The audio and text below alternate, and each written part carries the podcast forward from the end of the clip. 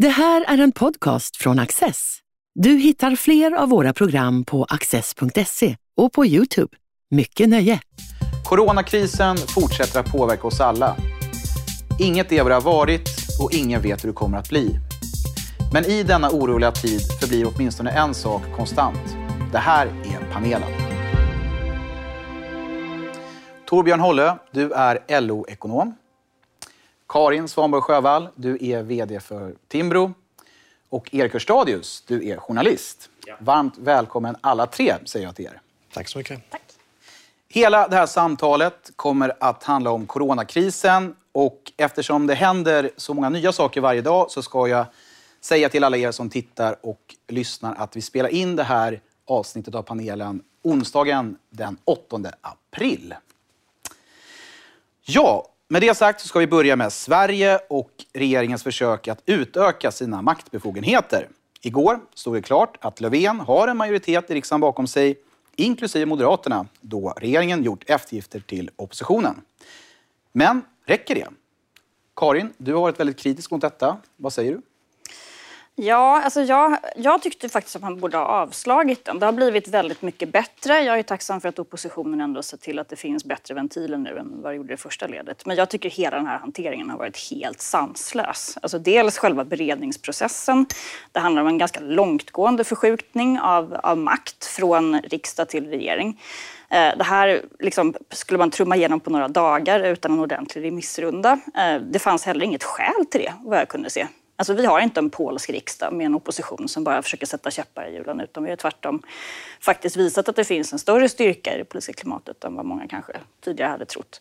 Så det fanns egentligen inget skäl för dem att göra det. Och ska man dessutom ta till den här typen av åtgärder då måste man ju bemöda sig om att motivera det ordentligt. Och det har ju både Lagrådet och Advokatsamfundet och Timbro eh, poängterat att det har regeringen egentligen inte bemödat sig om att göra.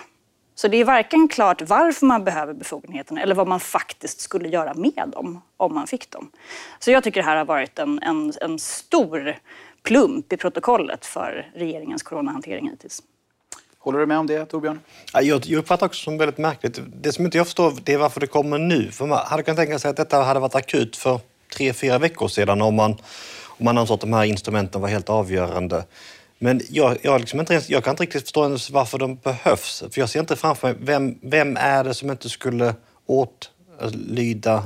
Alltså om man säger till att köpcentrum måste stänga ner. Det finns ju inget köpcentrum i, i, Sverige som inte skulle stänga ner då. Så jag ser inte riktigt framför mig vem, vem är mottagaren av det. Sen är också hanteringen jättekonstig, att, att man inte ringer upp Moderaterna och säger hej, nu har vi ett förslag här, är ni med på det? Innan man skickar ut det offentligt. Så att jag, det finns jättemånga alltså, frågetecken kring hanteringen. Därmed är det inte sagt att det var... Det är möjligt att, att, att, det kanske finns några motiv till att komma fram med det, men hanteringsmässigt jättekonstigt. Jag tycker att eh, de här analyserna, det finns inte så mycket att tillföra. Jag håller med er till stor del det man ska tänka på är ju att man fattar beslut här eh, utifrån flera parametrar. En är ju liksom vad man försöker åstadkomma konkret med besluten och i det här fallet då eller, eh, ger regeringen utökade, utökade befogenheter. Eh, det handlar också om vilka signaler man sänder ut till väljarna. Om vi politiker, har vi koll på läget? Vågar vi ta till drastiska åtgärder? Eh, är coronakrisen någonting typ unikt då som gör att vissa normala spelregler kan försättas ur spel. Och här måste man så att säga stämma av med vad folket tycker är legitimt och rimligt. För att går man för hårt fram, då kommer ju tankar om polisstat och, eh, och slarv och sådana saker. Men går man för sakta fram, då kan det kritik komma om att Sverige är för släpphänt och så. Va? Och för att vi ska bekämpa corona och få igång ekonomin så bra som möjligt så krävs det att att den politik som förs står någorlunda i samklang med vad väljarna uppfattar som rimligt. Så jag kan förstå det här behovet av att visa handlingskraft, men, men återigen, alltså det, det, hade man kunnat visa lite tidigare i så fall. Eh, för nu verkar det som att samhället ändå är, är mottagligt för de här signalerna utan att man tar till svärdet, så att säga. Ja, det var ju väldigt bråttom att få igenom den här lagen och sen, om jag förstått det rätt, så kommer den här inte att klubbas igenom förrän efter påsk. Eh, det är kanske också lite märkligt. Vad säger ni om det? Ja, det gjorde det ju fullkomligt obegripligt. Alltså så att man, att man går ut på torsdagen eh, och, och, berättar att man har den här typen av planer och sen sätter en remiss som slutar på, på söndagen. Och sen så är det fortfarande i vilket fall som helst så att man, att man tycker att man har råd att vänta så länge med ikraftträdandet eh, tycker jag skjuter hela argumentationen i sank från allra första början. Men jag menar, helt uppenbart så har ju riksdagen varit fullt kapabel att ta ganska, ganska raska och ganska drastiska beslut. Jag menar, man tog en lagstiftning om att man skulle kunna stänga skolor som inte fanns på plats på ett fåtal dagar. Riksdagen är redan reducerad. Eh, så, att, så hittills så fungerar ju vårt politiska system väldigt väl. Och då, då, blir det så svårt att förstå. Men jag tror precis som du att det här handlar om att man, man är ganska stressad av en debatt som handlar om, att, om, handlar om politiskt ansvarstagande. Vem är det som kör? Alltså den frågan ställer ju ganska många. Är det Folkhälsomyndigheten som vi ska avkräva ansvar om ett halvår när vi har någon slags facit på ifall det här var rätt strategi eller inte? Eller är det regeringen? Eh, men, men då började man ju helt fel ända. Och visst var det så att man knuffade på något sätt Tegnell framför sig? Att ja. Regeringen var väldigt osynlig väldigt länge. Och där, om man ska till slut ska skriva den stora boken om corona, där kommer det riktas kritik. Eh, men sen sakta men säkert så, så flyttar man fram positionerna och det var om Stefan Löfvens, i och för sig tycker jag, lite konstiga tal till nationen. Och det handlar om att Lena Hallengren syns mer och Eh, det handlar om en, faktiskt, som jag tycker ändå, i grunden ganska balanserad, vettig diskussion i svenska samhället om den här avvägningen mellan ekonomiska hänsyn och pandemiska hänsyn. Jag tycker nog att, att samhällsdebatten kring corona har varit ganska bra och regeringen kom sent in men är med på banan nu i alla fall. Så att om man ska sätta någon slags allmänbetyg på hur Sverige har klarat den här stressen så hittills skulle jag nog ge Sverige godkänt i alla fall. Eh, och då kommer då enskildheter framstå som för stressade eller ogenomtänkta. Men helheten är ändå hittills ganska rimlig tycker jag nog. Man har ju låtit, eh, alltså regeringens strategi har ju, har, ju varit att låta myndigheterna jobba på. Liksom. Och det, gäller, det gäller ju brett på, på alla sätt. Ju. Eh, och det, det är ju en strategi i sig också. Det, det är ett val att, att, att, välja den strategin. Och eh, personligen så jag ju, tycker jag att det, är, att det är en korrekt, eh, att en bra strategi att låta myndigheter jobba på. Men som sagt, facit har vi väl om ett halvår, ett år. Eh, precis, nu befinner vi oss mitt uppe i denna kris. Eh, och Sveriges sätt att hantera eh, coronaviruset har ju blivit uppmärksammat världen över. Eh, nu är det ju allt fler länder som säger att de ska sakta lätta upp på de här hårda restriktionerna. Eh, Norge, Danmark, Österrike bland annat. Vad kan man säga om det? Handlar det om, börjar de här länderna då närma sig Sverige? Eller? Alltså, det är klart att, att eh, hur det här krisen slår ut företagen och skapar massarbetslöshet. Det, det, det, det, det blir outhärdligt om vi så att säga krossar våra ekonomier. Och den insikten, för, alltså först måste man säga, visa att man tar människors liksom, liv, att man tar liv och död på allvar. såklart, och jag talar om Europa, världen nu sådär. Va? Och, och då blir det... Ja, men minst när Donald Trump införde flygförbud eh, till USA, då tyckte man att plötsligt att han var alldeles för hård. Va? Och det var inte alls länge sedan. Nu, sen har han fått kritik för att han var alldeles för släpphänt och så vidare. Ehm, men det som händer nu är ju att vi har då på alla håll i världen en, en, en diskussion om dels hur stora ekonomiska skador vi kan tolerera och dels hur man också förbereder ekonomierna för att komma igång så snabbt som möjligt igen. Ehm, och det är det vi ser nu. Och, och, där kan ju möjligen, alltså man vet ju inte, men Sverige kan ju möjligen ha varit lite inspirerande och vägledande. Jag menar, om det nu går bra, vi vet ju inte. Det är 8 april idag. Läget kan vara helt annorlunda om en vecka. Jag uppfattar att, att det som sker i många europeiska länder är ju politiskt drivet. Alltså att, att, så har jag förstått, åtminstone av en rapportering från Norden, att flera av de liksom, hårda eh, åtstramningar som har genomförts har ju genomförts av politiker i, alltså, i strid med, dem, alltså med, med deras egna myndigheters rekommendationer. Så, att, så att det, jag, det är lite tillbaka till det att alltså, vi har en, en myndighetsdriven krispolitik i Sverige och det, det, det, det är väldigt mycket förklaring till varför eh, åtgärderna ser ut som de gör. Sen ytterligare en, en en spaning då, just i och med att det är politiskt drivet i många länder så tror jag att det är väldigt mycket politiskt drivet av konversationer med Italien. Eh, och Italien, att italienska ministrar har helt enkelt hört av sig till, sina kollegor och berättat att vi gjorde fel i början, så här borde ni gjort istället. Och då har jag en spaning att det, kan, det är möjligt att, att det, var, att det återigen facit har vi om ett halvår år. Men man ska veta det om Italien. Italien är ett djupt dysfunktionellt land, som är, men är bra på en enda sak. Det är nämligen akuta eh, alltså katastrofer. Det är, alltid, det är alltid italienarna som kommer när det är jordbävningar, när det brinner i Sverige så kommer italienarna. Italienarna är typ bäst i världen på den typen av bekämpning. Så, det, så jag har en liten spaning. Det kan vara så att i och med att italienarna är dåliga på det mesta, förutom just det, så har det varit deras råd att, liksom att ta, alltså, alltså, alltså, akut krisbekämpning alltså, i form av stänga av städer och liksom använda den typen av eh, instrument därför att det är det de känner till och det är det de är bra på.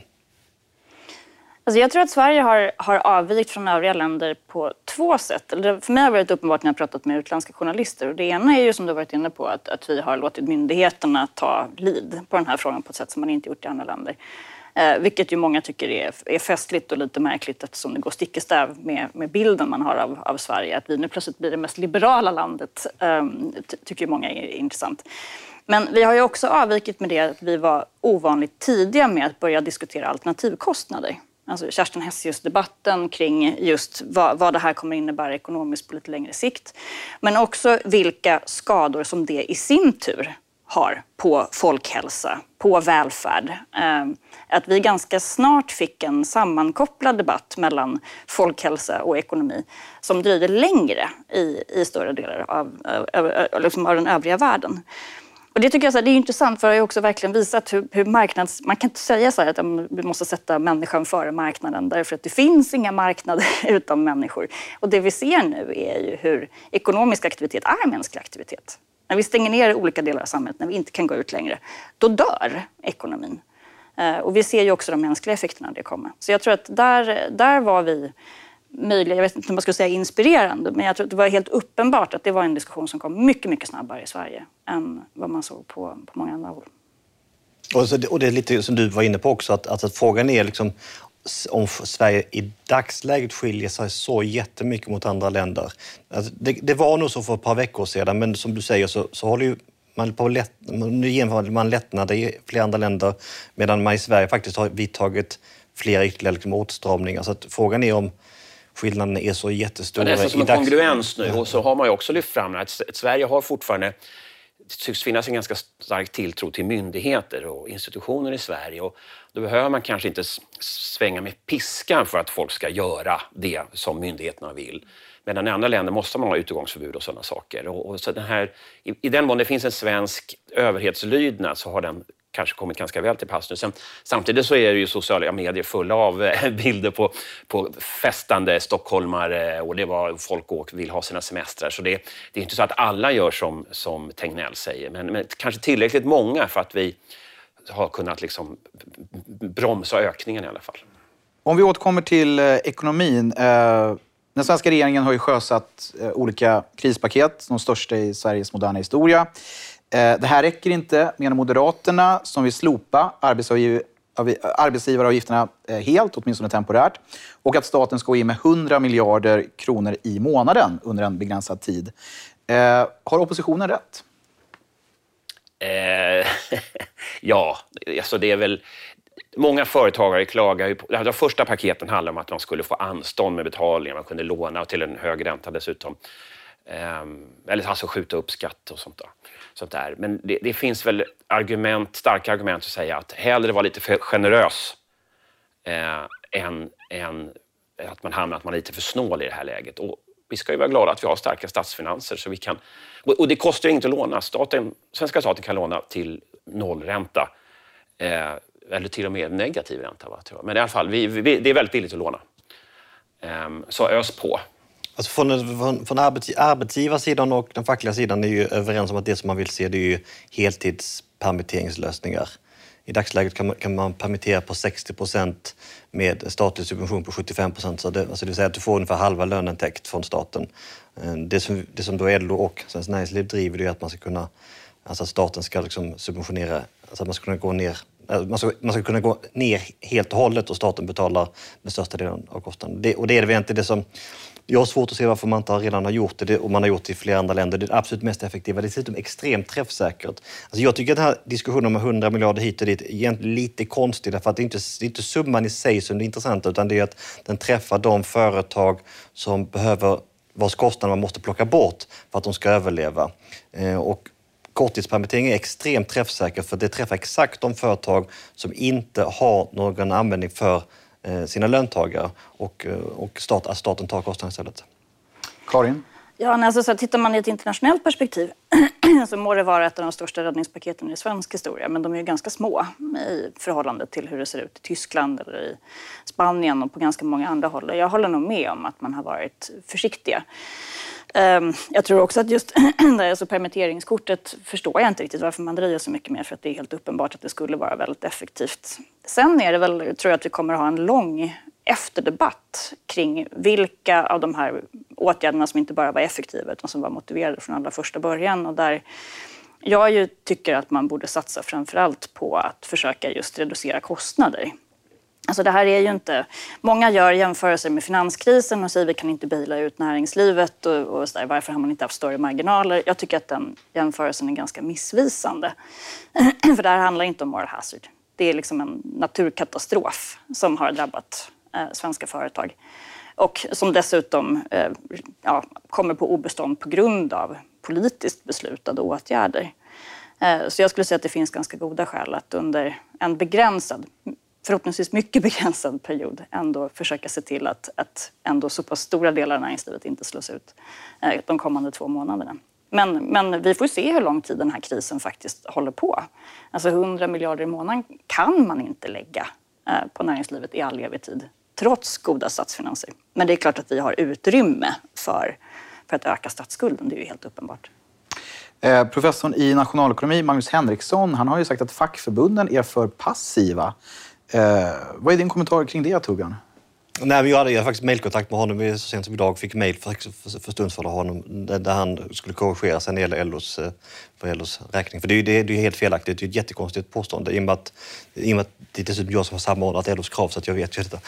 Så att, eh, så att vi har liksom skickat in, detta har varit vårt huvudkrav liksom i tre veckors tid, liksom kommunicerat till liksom alla ansvariga statsråd, eh, sagt liksom i hundratals tillfällen, inklusive av mig liksom i, på, på, SNS och på, i, i diverse, diverse, tidningar, att detta är vårt huvud, det är vårt huvudgrej.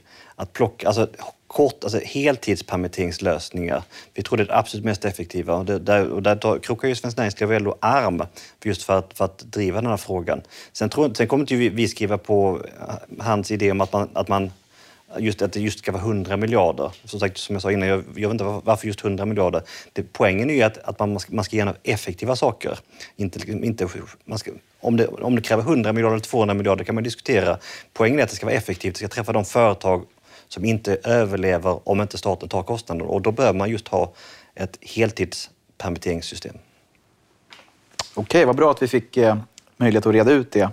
Eh, ser ni en reell risk eh, för att eh, ekonomin kan krascha på, på allvar? Ja, absolut.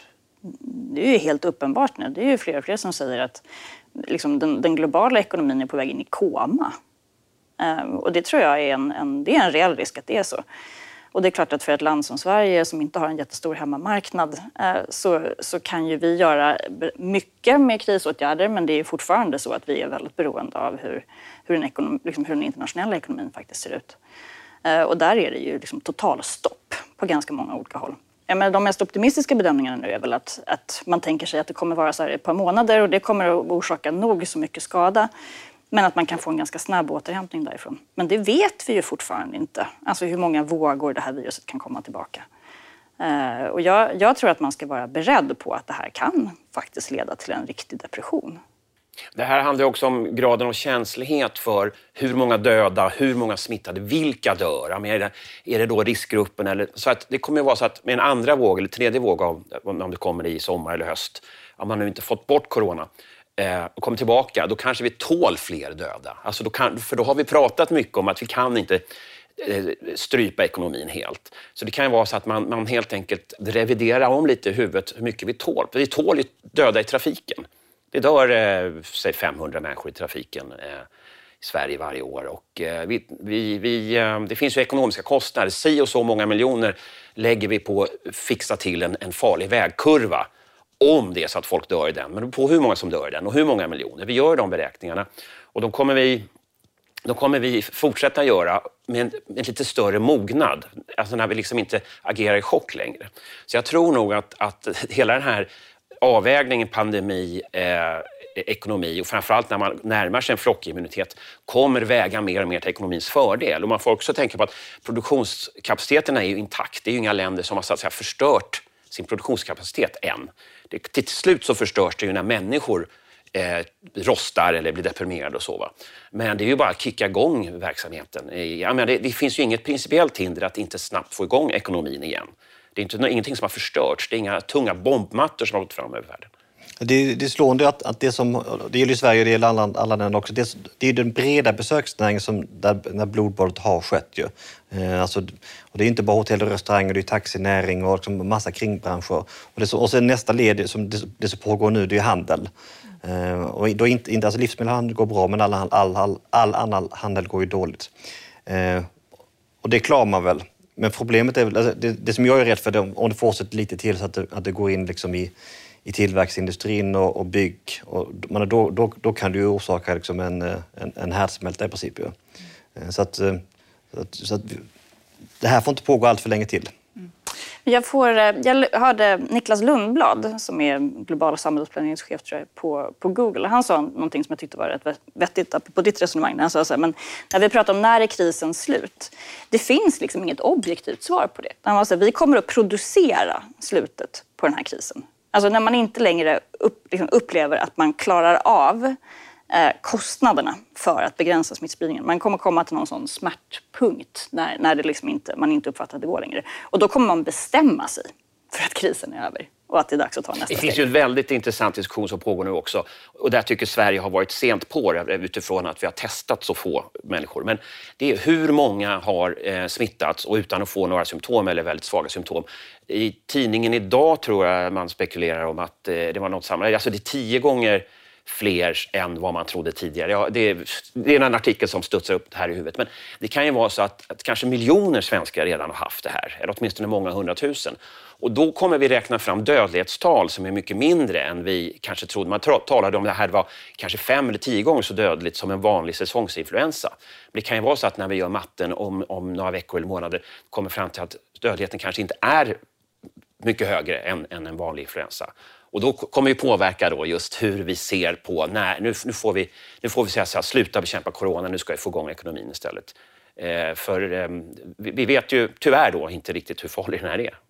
Men det, men det, det, är väl mycket som tyder på att det, det är så. Alltså att det, det, I Ekot i morse så rapporterar man ju om, om Linköpings tror det var, sjukhus som hade...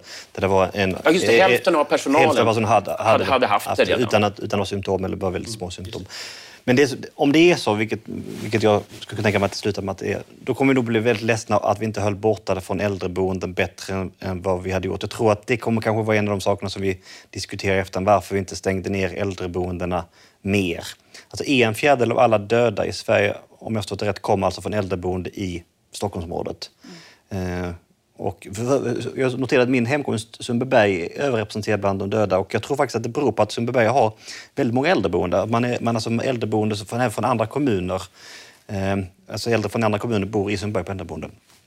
Eh, så att, och det tror jag kommer vara lite ledsamt. Att där, där tror jag vi skulle kunna gjort mer och varit tuffare. Om man tittar på framgångsexempel som Sydkorea och Taiwan som var väldigt tidiga med, med smitts... Alltså verkligen inte bara kolla smittade utifrån den och den ska inte åka till jobbet utan också se här är det många fall som pågår. Och där, nu kunde man skylla på att smittspårningskapaciteten inte var väl utbyggd men det var en väldigt svag diskussion i början om det här. Och man, det är ett sätt att skaffa sig kunskap om dels hur, många, hur dödligt det är men också vilka områden i samhället som är, där man måste sätta mer skydd och skyddsvallar runt omkring. Till exempel då äldreboenden. Om man ser att personalen där går omkring och smittar de gamla och sen går, går till nästa gamling och smittar den. Och så. Hörrni, innan, eh, jag vill gärna att vi hinner säga någonting om eh, Europeiska unionen. I natt misslyckades EUs finansministrar att enas kring olika ekonomiska krispaket. Eh, framförallt i det Nord och Sydeuropa som har lite olika syn på hur den här krisen ska lösas. Spanien och Italien vill se mer solidaritet medan Tyskland och Holland stretar emot, lite förenklat. Finns det, vad, vad, vad får det här för konsekvenser för det europeiska samarbetet? Ja, men det är ju en, det, det är ett mönster som, som hela tiden finns. Det är, att man, det är några steg framåt, några steg tillbaka, några steg framåt. Men alltså, tendensen för det europeiska samarbetet är ju att det bara blir djupare och djupare, även på, alltså på e, ekonomiskt. Eh, alltså, men att Tyskland och Holland håller emot, men, men, men men det är inte det. Men riktningen är ju Italiens, Spaniens och Frankrikes. Det, dit, om, om det tar fem år, eller tio år eller tjugo år, det kan man diskutera. Men att Europa är på väg mot allt mer gemensam finanspolitik. Det, och det som, det som skiljer sig också nu jämfört med finanskrisen, det är att nu ser, nu ser diskussionen i Tyskland helt annorlunda ut. Nu har man liksom jättemycket ekonomer som är på, på Italiens sida, så att säga. Ehm, och socialdemokratiska finansminister och, ehm, är också ganska positivt inställd till det. Så, att, så att, ja, det är liksom en italienarna och spanjorerna kommer få rätt. Det kommer bli så, men det kan dröja. Alltså man ska också komma ihåg att bara för ett år sedan så skrevs det artiklar, alltså långt före coronakrisen, om att de italienska bankerna var på väg ner i putten och vad det här i så fall skulle innebära för eurosamarbetet om en så stor ekonomi äh, eventuellt skulle i princip dras ner i ett slukhål. Um, och den diskussionen tror jag liksom, att vi börjar se i förnyad styrka igen. Och där jag nog, tyvärr ska jag säga, för jag tycker att det är ganska olyckligt, nog inte heller kan se så många alternativ. Annat än att man kommer att se mycket mer av en gemensam finanspolitik. Därför att man har helt enkelt inte råd att låta Italien defaulta. Alltså, så här, vi minns hur det blev när Grekland var på väg att göra det. Um, Italien är liksom så här, på en helt annan liga. Och de har nu, vad är det, en skuld statsskuld som ligger på 135 procent av BNP, tror jag, eller någonting sånt där, och gör jättestora stimulanspaket. Och det kan de ju göra på grund av att de är i euron. Alltså, de hade ju aldrig kunnat låna i något annat fall. Eh, men, men frågan är ju hur länge eh, andra kommer vara sugna på att betala. Men då får man, är man väl tillbaka i att det kvarstår bara oattraktiva alternativ. Det här är ju en unik kris, eh, unika åtgärder och det går naturligtvis inte att skriva skriva facit nu utav hur, EU kommer stå sig. Men det är klart att det är intressant att se vad som händer eh, med, utifrån det amerikanska presidentvalet och så. Hur antingen Trump sitter kvar, vilket är väldigt troligt, eller, eller ja, det blir ja, Biden eller så. Men att, hur ser samarbetet mellan USA och Europa ut? Det är ju möjligt att, att, att Trump, om han sitter kvar, kommer öppna sig för mer samarbete med EU. Det skulle ju möjligen kunna alltså, stärka idén om internationellt samarbete jämfört med hur det har sett ut under de här första åren med Trump. Eh, så att det, det, finns många, det finns mycket okänt i potten här. Ehm, och sen kommer det ju bli så att om i sommar, höst Europa känner att, att vi har någorlunda fått bukt med corona så kanske många politiker går ut och ändå stärkta ur det här för att folk andas ut lite grann. Det blev inte riktigt så hemskt som vi trodde kanske. Man, och det, ja, då får vi politiker mer självförtroende vilket väl då skulle kunna vara gynnsamt för samarbetet. Eh, det får avrunda veckans avsnitt av panelen. Jätteroligt att ha er här. Och tack för att ni har tittat. Ta hand om varandra och till sist vill jag önska er en glad påsk. Du har just lyssnat på en podcast från Access. Du vet väl att vi också är en tv-kanal och tidning? Teckna en prenumeration idag på access.se.